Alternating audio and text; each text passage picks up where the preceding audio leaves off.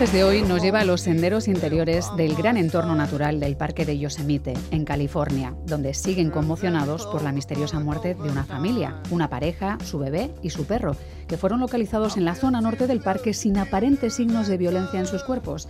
La policía tampoco encontró trazas de veneno. Un misterio en el corazón del bosque.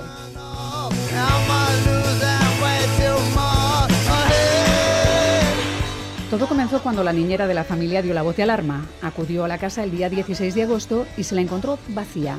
Así que interpuso una denuncia por desaparición.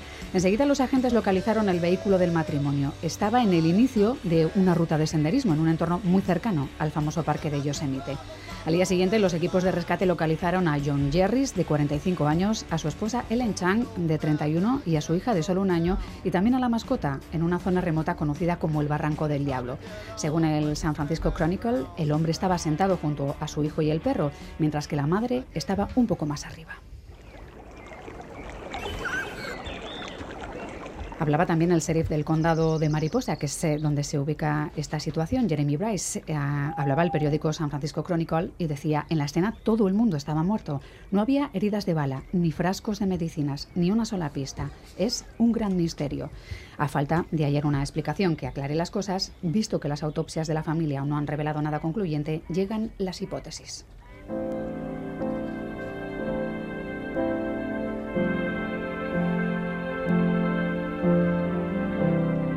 Hablan de una posible deshidratación, ya que el termómetro alcanzó un máximo de 43 grados el día de su muerte. Sin embargo, no parece lo más probable, puesto que los rescatistas confirmaban que llevaban agua.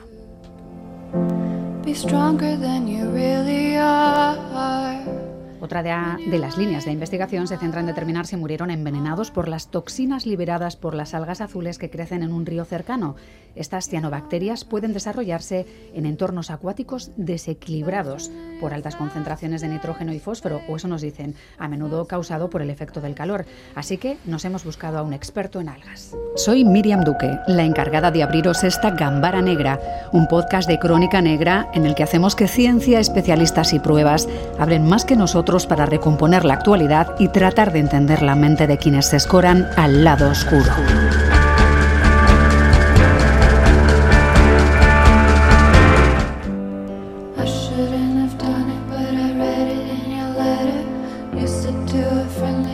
El experto en cuestión es el profesor de ecología de la UPV EHU, Sergio Giovanni. Caixo Sergio, ¿cómo estás? Caixo, buenas. ¿Qué son exactamente las cianobacterias? Bueno, pues como bien has dicho, son algas azules o algas verde azuladas, eh, pero a diferencia de la mayoría de las algas que son eucariotas, en este caso son procariotas, es decir, son bacterias, de ahí su nombre, ¿no? Ciano es verde azulado y mm, bacteria, pues bacteria. ¿Y pueden llegar a eh, matar sin apenas dejar rastro, como parece que ha pasado o que podría haber pasado en este caso?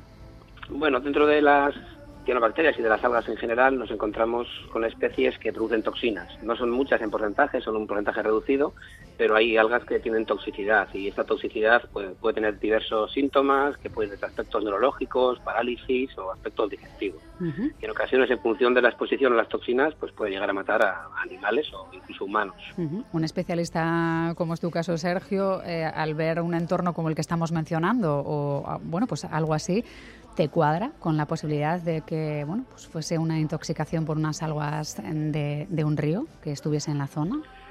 Hombre, la verdad es que generalmente las intoxicaciones por, por eh, toxinas de algas suelen estar eh, precedidas del consumo por parte de otro animal. Es decir, generalmente las toxinas se concentran, por ejemplo, pues en mejillones o en ostras, en organismos que filtran, que filtran algas y estas toxinas ya acumuladas en un organismo un poco más grande, al llegar al ser humano sí le afectan generalmente de beber agua, la concentración no es muy alta en el agua, simplemente con beberla para que pueda matar a un, adulto, a un ser humano o un animal grande. Pero sí que si consumen algún otro organismo que haya podido acumular esas toxinas durante un tiempo, sí podría llegar a tener efectos desastrosos.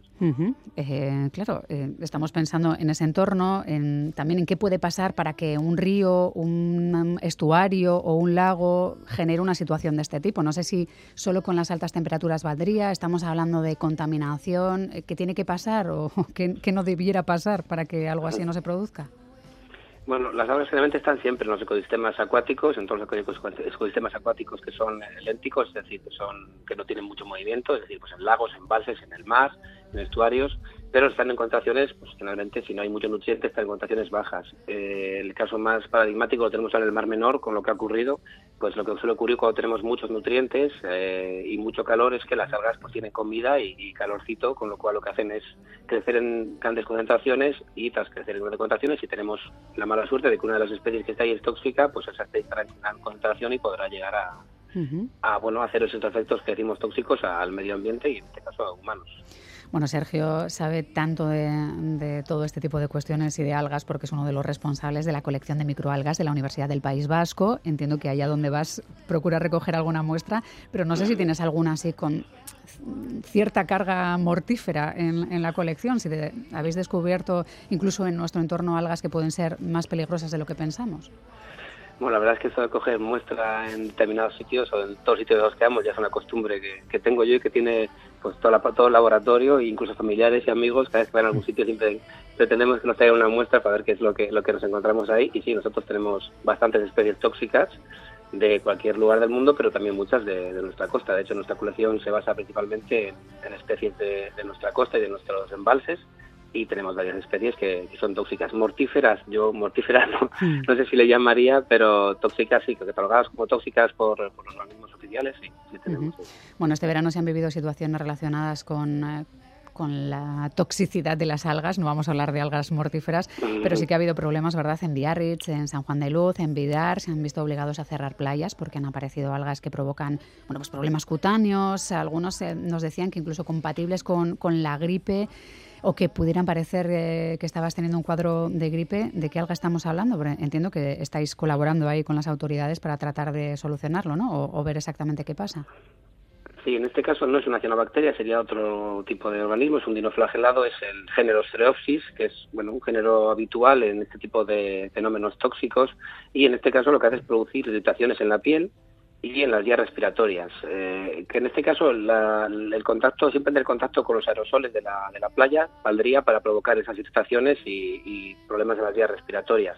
Entonces, cuando este alga aparece en estas playas en, mucha concentración, pues los aerosoles las transportan, transportan estas toxinas que ellas pueden liberar y eh, acaban en, las vías respiratorias de los bañistas y, en la piel. Pero es un, este tema, por ejemplo, de este género se ha visto en el Mediterráneo ya hace muchos años y ahora nos está llegando un poco más a, a nuestra zona, pues un poco por lo que decimos del aumento de la temperatura, y sí que bueno las autoridades por lo menos las autoridades francesas se han puesto en contacto con nosotros para bueno pues para ver si podemos investigar un poco en ellas porque bueno casualmente hace dos años hicimos una investigación en todo lo que es la, en la bahía de Vizcaya tanto la parte española como la parte francesa y hicimos eh, bueno vimos que las que las eh, densidades habían aumentado respecto a estudios que teníamos previos y que cada vez pues hay más de este tipo de, alga en nuestra, nuestra zona.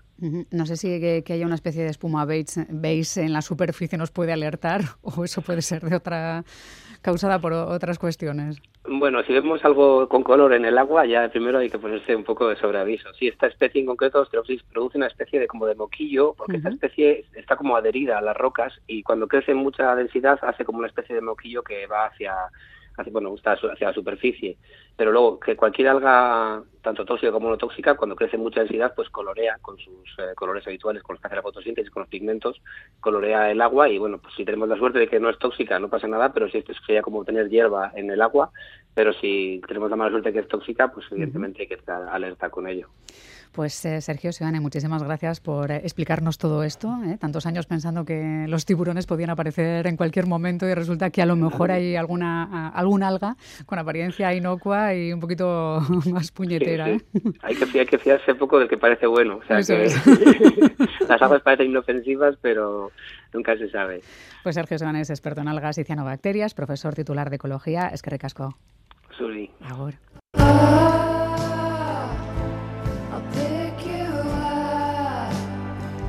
Me vuelvo a Yosemite y luego además muy bien acompañada porque están aquí en estudio Rafael Alcaraz, que es forense jubilado y una voz que ya reconocen eh, quienes normalmente nos han oído históricamente hablar de, crimen, de si has escrito un crimen en Radio Euskadi. Rafa, muy buenas, ¿cómo estás? Muy buenas, bien. También me acompaña Iñaki Rusta, que ha sido, bueno, pues hasta hace poco jefe del área de la Policía Científica de la Archancha y sigue siendo un gran experto y, todo un divulgador, así que le agradecemos mucho que esté hoy con nosotros hablando aquí de escenarios curiosos. Ahora vamos a hablar. También está Carlos Basas por ahí, es nuestro especialista en novela negra, durante mucho tiempo ha sido también el director de La Pamplona Negra y sabe, bueno, pues también de escenarios reales y no reales o de cuestiones que, bueno, pues que a veces parecen imposibles pero acaban por, por tener su base científica. Hola Carlos, ¿cómo estás? Hola, bien, con pocas ganas de bañarme. bueno, son cosas que pasan a veces. ¿eh? Vamos a, trasladarnos de nuestro entorno más cercano a, ese entorno de Yosemite que mencionábamos. No sé, eh, Iñaki, cómo afronta uno un escenario así, eh, que parece sacado de una serie, pero que hemos encontrado en, en la vida real. ¿Cómo se acota un bosque, por ejemplo, en un caso como este? No sé si es algo más difícil o menos de lo que parece. La verdad es que es un escenario complejo. A simple vista no observamos eh, ningún tipo de mm, evidencia visible. Por lo tanto, el acotamiento eh, es complejo. Es complejo porque si tuviésemos un foco, digamos, de localización del escenario, pues podríamos empezar a trabajar. Hoy en día ha evolucionado en un escenario como es un bosque, lo que podemos tener es trabajando mediante drones. ¿Para qué? Para hacer una distribución de los recursos que son necesarios, tanto humanos como técnicos, y a partir de ahí hacemos una distribución de tareas y posteriormente lo que hacemos es trabajar el escenario. Vienen cuadrículas, son perpendiculares y ya lo vamos viendo. Bueno, pues se parece ingente dependiendo de, me imagino yo, que hay bosques especialmente grandes, pero bueno, hay, hay entornos, eh, bueno, pues que poco a poco se van peinando.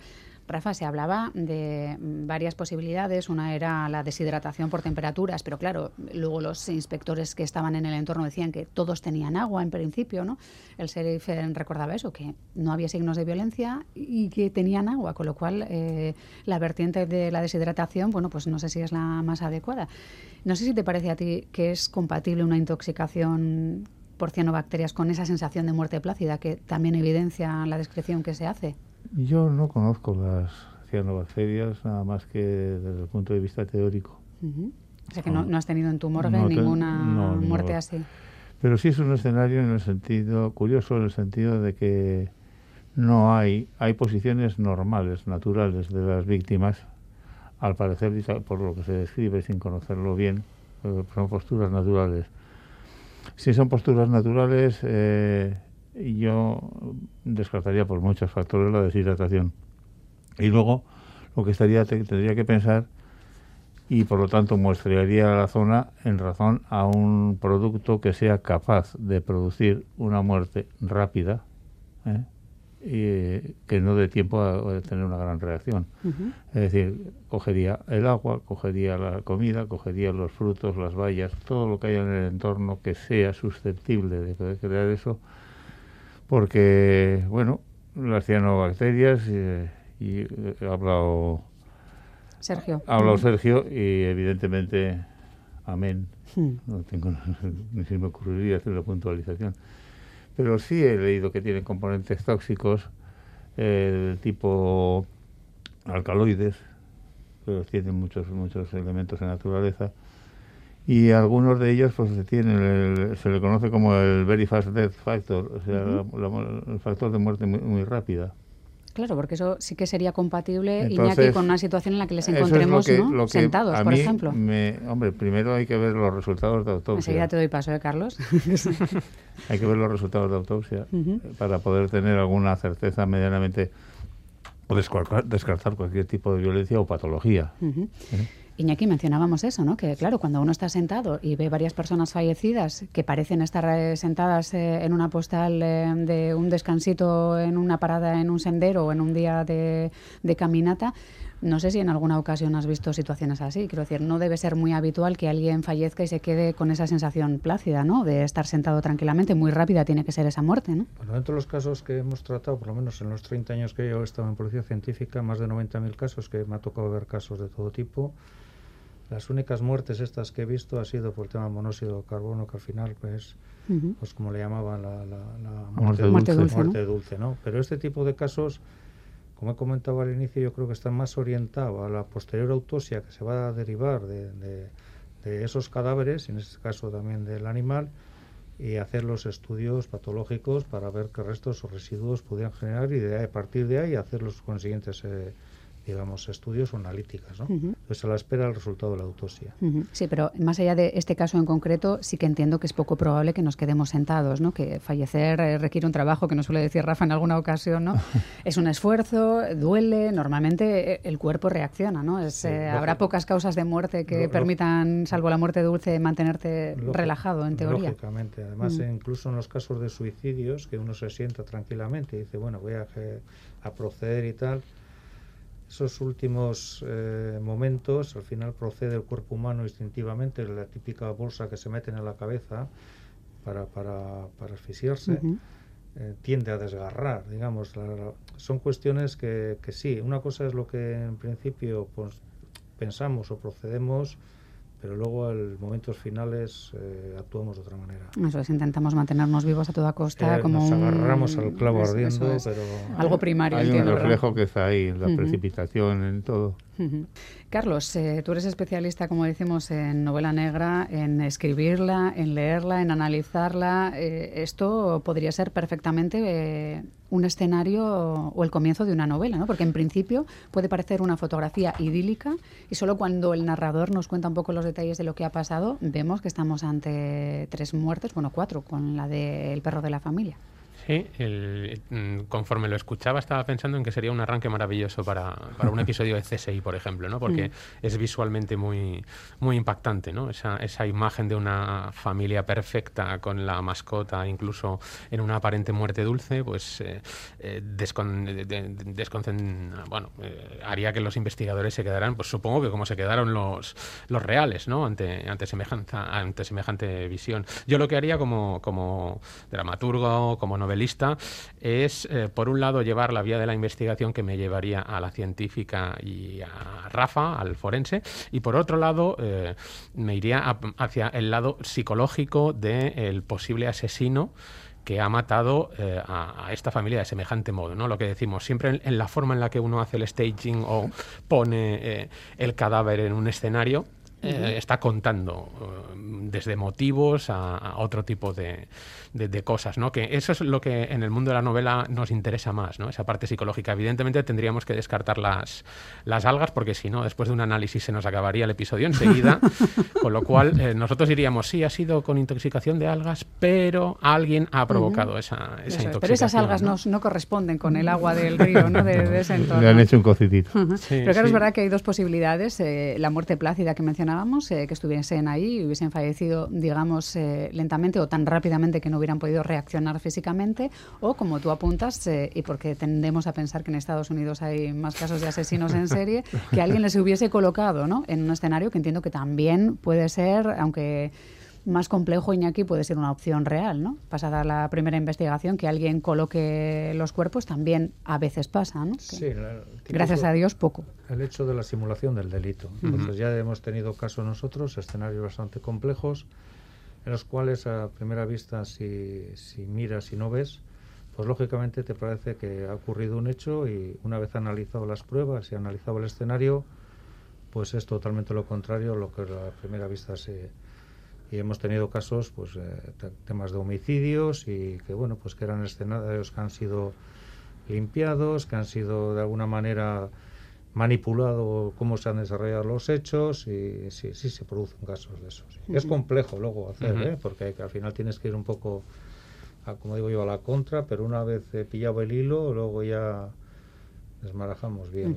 Hombre, yo, yo, en un caso así, antes de, antes de pensar en las algas que puede haber en el, en el agua, en un río, antes pensaría en, en, otro factor, ¿no? Si eliminamos el factor asesino, eh, una intoxicación por algo que hayan comido, una picadura letal de algún eh, animal, insecto, etcétera. Pero es raro que un insecto pueda picar a toda, bueno, o sea, lo que sea un enjambre selectivo, ¿no? pero, aún, así habría marcas, o sea, habría, habría elementos que un forense. Pero la ley de las probabilidades que la conocemos serán mejor eh, forense y científica que yo. Entiendo que, que fallezcan cuatro personas de una misma familia por picaduras de insecto no está descrito, me imagino, en los anales de la científica, salvo algo muy, muy, muy extremo, ¿no? Pues la verdad es que no, no hemos tenido ese caso y sí que hemos tenido casos complejos pero ese no se nos ha dado. No, no, por eso No, es de demasiado, demasiada complicación. Creía que lo había visto todo. Son pero- casos, son casos que, como nosotros solemos decir, que tienen repaso. Que Algo no te suenan, no eres, no eres consciente, no eres capaz, porque ignoras esa, esa, esa parte de, Ujú. Sí, yo- de elementos que, que pueden intervenir en la muerte de las personas. Entonces, estás un poquito bailón. En principio dices, a ver, ¿por dónde sale el sol? sí.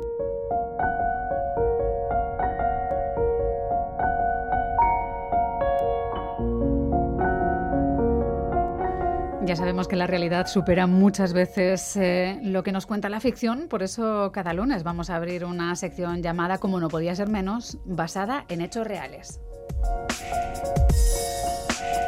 Carlos Basas, eh, ¿quieres hacernos una introducción antes de comenzar esta sección con casos concretos al True Crime, verdad? Para explicarnos, bueno, pues qué es y cuándo nació, que no siempre estamos seguros de este asunto. Pues sí, eh, es un género que ahora está tan en boga, tanto en lo literario como en lo audiovisual, y que uno puede rastrearlo eh, bastante más atrás de lo que nos creemos. ¿no?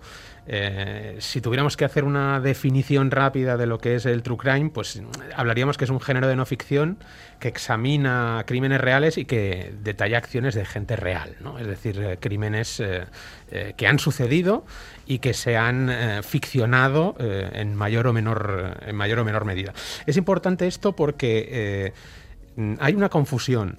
True crime no es una crónica periodística, ¿vale? Eso es una crónica periodística o un reportaje periodístico. El, true crime eh, implica eh, algo muy importante y que hace que funcione tan bien, que es utilizar técnicas, recursos y trucos narrativos propios de la ficción para contar una historia real, un hecho real, un crimen real, ¿no? Eso es lo que hace que la gente se enganche tanto, ¿vale? Y luego está el otro componente importante que es eh, que muchas veces los escritores nos enfrentamos a, situaciones reales, delictivas, que eh, nos plantean un problema. ¿En qué sentido? En que son tan increíbles, son tan eh, rocambolescas, parecen tan de mentira que no las podemos ficcionar. Es decir, si las ficcionáramos, eh, el público se reiría, ¿no? O no entraría, o, o sencillamente diría esto es imposible, aunque fuera, aunque fuera verdad, aunque fuera real. Con lo cual, eh, para esos crímenes y esas situaciones de la vida real tan absolutamente increíbles, que las hay y cada vez más, por desgracia, eh, usamos el true crime. Si hablamos de cuándo nace el true crime, la mayoría de la gente, a la mayoría de la gente le viene a la memoria un nombre y una novela, que es La sangre fría de Truman Capote, ¿no? Y eso sería cierto si habláramos del mundo anglosajón. ¿Vale? Eh, pero en el mundo eh, eh, de habla hispana y en el mundo en general, el primer true crime tiene lugar eh, nueve, años antes y lo escribe un periodista y escritor argentino que se llama Rodolfo Walsh y que es Operación Masacre. No nace como true crime, sino como lo que se llamó novela de testimonios, pero senso estricto es el, el primer true crime. ¿no? Si ya nos re- remontamos más en el pasado, eh, nos damos cuenta de que hay true crime antes. Hay true crime ya en el siglo XIX, incluso eh, dentro del mundo de, habla hispana hay una cosa maravillosa eh, por esa época y antes, que fueron los relatos de cordel y los romances criminales. Es decir, es, un género que siempre ha, atraído a lectores y a espectadores, si nos movemos al mundo del, cine y del audiovisual. Eh, y es aquí donde realmente está pegando con fuerza. A través de plataformas como Netflix, como HBO, como Amazon eh, y otras, mm, empieza a coger una fuerza tremenda y eh, hace que se abra de nuevo eh, la posibilidad de que mm, determinadas editoriales, aquí en España, por ejemplo, RBA, al revés, Versátil, empiecen a tomar en serio eh, este género tan especial. Sí, Yo, en lo la que- parte del romancero de crímenes y la literatura de Cordel me, ha resultado apasionante. porque, Sí, vamos, era- nos queda mucho por leer, ¿eh? mucha vida por repasar, la verdad. Sí, no, es, y- es, es un origen realmente interesante esa de, esa de literatura de Cordel, que se llamaba así porque generalmente ciegos en las esquinas de las ciudades eh, colocaban dos palos unidos por una cuerda pues como si fuera un tendedero improvisado y de ahí eh, coloca, ahí colocaban esos relatos de cordel, ¿no? que como te puedes imaginar en la mayoría de ocasiones eran más ilustrados que narrados, pues porque el analfabetismo era bastante alto eh, y venían con unas ilustraciones de lo más eh, escabrosas, ¿no? y eso era lo que le encantaba a la gente. y hablaba de hablaba de lo del audiovisual, ¿no? de, el boom que estamos teniendo de, true crimes en todas las plataformas. Y Pero quería tú lo quieres llevar más al pasado un poquito más remoto comparado con las plataformas, ¿no? Sí, quería, quería ir un poquito más hacia atrás en el mundo audiovisual, que es el cine. El cine siempre ha recurrido a, la realidad y a casos reales eh, criminales o no en, determinados momentos. Eh, pero para mí hay una película que marca un antes y un después eh, en, importancia, eh, no solo por la historia que cuenta y por el personaje que trata, sino porque desde el punto de vista cinematográfico es una obra maestra. ¿no? Es una obra maestra dirigida por ese grandísimo director que fue Fritz Lang, escrita eh, por su mujer, Thea von Harbaugh, cuando todavía estaban bien avenidos, antes de que ella se hiciera nazi y él huyera a Estados Unidos. Y es una, una, película a la que todo el mundo que le interese eh, esto del True Crime debería acceder, que es M, el vampiro de Düsseldorf. La policía lleva seguidas hasta este momento en la búsqueda del criminal más de 1.500 pistas, todas sin resultado. Las pesquisas no han dado hasta ahora el menor resultado positivo. Lo mismo ha sucedido con las redadas nocturnas efectuadas en los barrios bajos. Ejercemos nuestra profesión porque tenemos que vivir. Pero esa bestia no tiene derecho a la vida. Hay que suprimirla. Tiene que ser ajusticiada sin piedad, sin misericordia de ninguna clase. Esta es una peli que nos lleva a Düsseldorf eh, al año 25, ¿no? Bueno, va evolucionando durante unos cuantos años, pero nos hace viajar en el tiempo un momento muy concreto y, bueno, pues a unas técnicas policiales también muy diferentes, ¿no, Carlos? Sí, eh, M. el vampiro cuenta la historia real, pero ficcionada, de, un asesino en serie, sobre todo de niños que, hubo en la ciudad de, Düsseldorf eh, y que empieza a matar en el año 25, es Peter Kürten.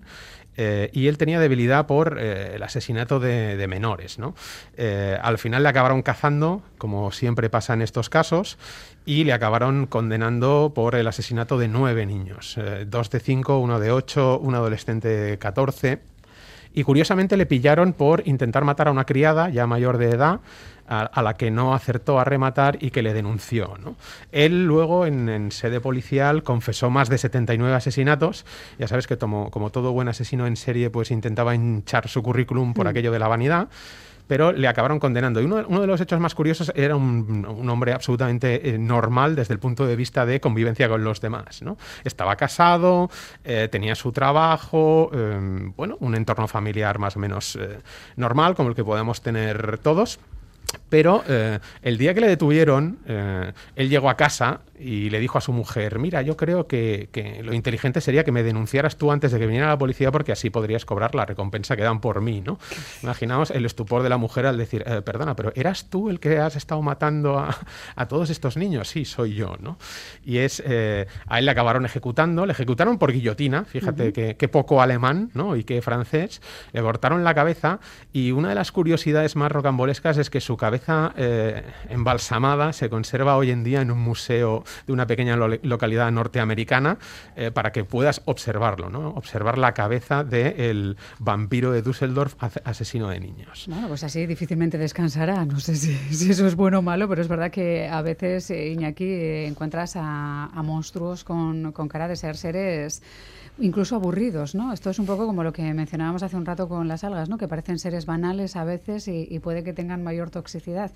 En todo caso, no sé si te ha pasado, no lo sé, si has encontrado a alguien con una cara que no pareciera lo que avecinaba y si os imagináis, tanto tú como Rafa, trabajando en, una, en un caso en el año 31, ¿no? Con las técnicas de aquella época. Sí, sí que me ha tocado ver caras de angelitos eh, cuando estábamos haciendo la inspección ocular de sus vehículos, eh, porque había indicios más que serios o razonables que de alguna manera estaban involucrados en los hechos, pues bueno, es como el que no ha roto un plato, ¿no? Hmm.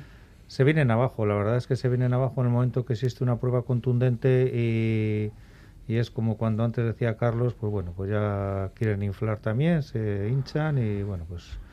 Pero sí que nos ha tocado, ¿eh? No más de uno, dos y tres y varios de esos angelitos alguno, alguno, alguno, no se puede todavía comentar porque no está enjuiciado, que es bastante reciente. Pero, pero sí, sí nos ha tocado. Es igual, lo que este señor hacía, por decir algo, pues era una cosa que evidentemente no necesitas una dotación de medios desde el punto de vista de la patología forense para reconstruir ese tipo de crímenes tan, retorcidos como los que producía este, este sujeto que por cierto, de sujeto normal tenía poco, porque su biografía es, tremenda. Sí, sí, sí, bueno, sí, porque viene, viene de un hogar desestructurado completamente. El síndrome del trastorno disocial de la personalidad en la versión infantil que se da antes de los 10 años es que está calcado en este hombre. La falta de respeto a las normas, la violencia con los compañeros, incluso con la muerte de dos, presunta muerte de dos, el matar animales y torturar animales, el quemar las casas para ver si tenía suerte y cazaba a alguien dentro. Era tenía un ramillete de virtudes, una cosa absolutamente espectacular. Sí, la verdad es que hay gente que ha nacido para sembrar el mal. Menos mal que hay pocas semillas del mal en el mundo, ¿no? en la historia. Ese sujeto en el 31 sería también estudiado como lo que se uh actualmente. Es verdad que desde el punto de vista de la obtención de, de evidencias, entonces no era lo mismo que yo creo que ahora hubiese durado menos tiempo Mm. con el potencial de, investigación de la policía que tiene ahora que no tenía sí, Hoy nosotros, seguimos con el mismo potencial de investigación. Hubiéramos desmantelado mucho más rápido. ¿Te parece, Carlos, eh, que vayamos eh, cerrando con un recuerdo a sangre fría? perfecto. Perry, ¿qué ocurre? nosotros, eso es lo que ocurre. Somos ridículos. Tú estás registrando las paredes en busca de una caja que no existe, haciendo ruiditos como un pájaro loco. Y yo, arrastrándome por el suelo, con mis piernas enfermas. Bueno, esto es otro de esos momentos eh, intensos también, ¿verdad, Carlos? Una película, bueno, pues interesante, está basada en crímenes reales, uh mencionabas, A Sangre Fría, de, de Tuman Capote, que yo creo que es una de esas novelas que lees y te, te generan cierta sensación de desasosiego, ¿no? Porque, bueno, pues porque a veces el mal es así de crudo, ¿no? Y parece más simple que, lo contrario. Sí, bueno, en, este caso, eh, la película dirigida por Richard Brooks, otro de los grandes directores olvidados, en este caso eh, no estamos ante el clásico asesino en serie, sino ante dos pobres eh, diablos que entran en una granja en el típico pueblecito del medio oeste norteamericano y acaban eh, cometiendo eh, una masacre de, una familia entera. ¿no? no es que tuvieran planificado entrar, asesinar, no son como la familia de Charles Manson, etcétera, sino que bueno, la cosa salió mal y acabó mal. ¿no? Y lo que hace Truman Capote estuvo casi 6-7 años dándole vueltas a la novela, aprovechando para hablar con ellos en la cárcel, asistiendo al juicio, etcétera. Lo que hace Truman Capote es verdaderamente lo que hablamos, a lo que nos referimos cuando hablamos de true crime, porque es por un lado usar un hecho real pero eh, convertirlo en literatura. Por eso te decía que es muy importante distinguir entre lo que sería una crónica periodística objetiva más o menos de los hechos y eh, el true crime, donde un autor con una mirada eh, concreta y determinada y con un estilo literario lo que hace es bucear en la historia, imaginar, fantasear y completar eh, datos que, bueno, sobre todo desde el punto de vista psicológico, desde el punto de vista emocional, eh, son difícilmente conseguibles de, otra manera, ¿no? Es decir, fabular dentro de eh, la verdad. Pues hasta aquí este paseo por la, crónica más negra de este primer lunes negro. Cuídate, ¿eh? Lo mismo. Luego. Carlos. Hasta luego.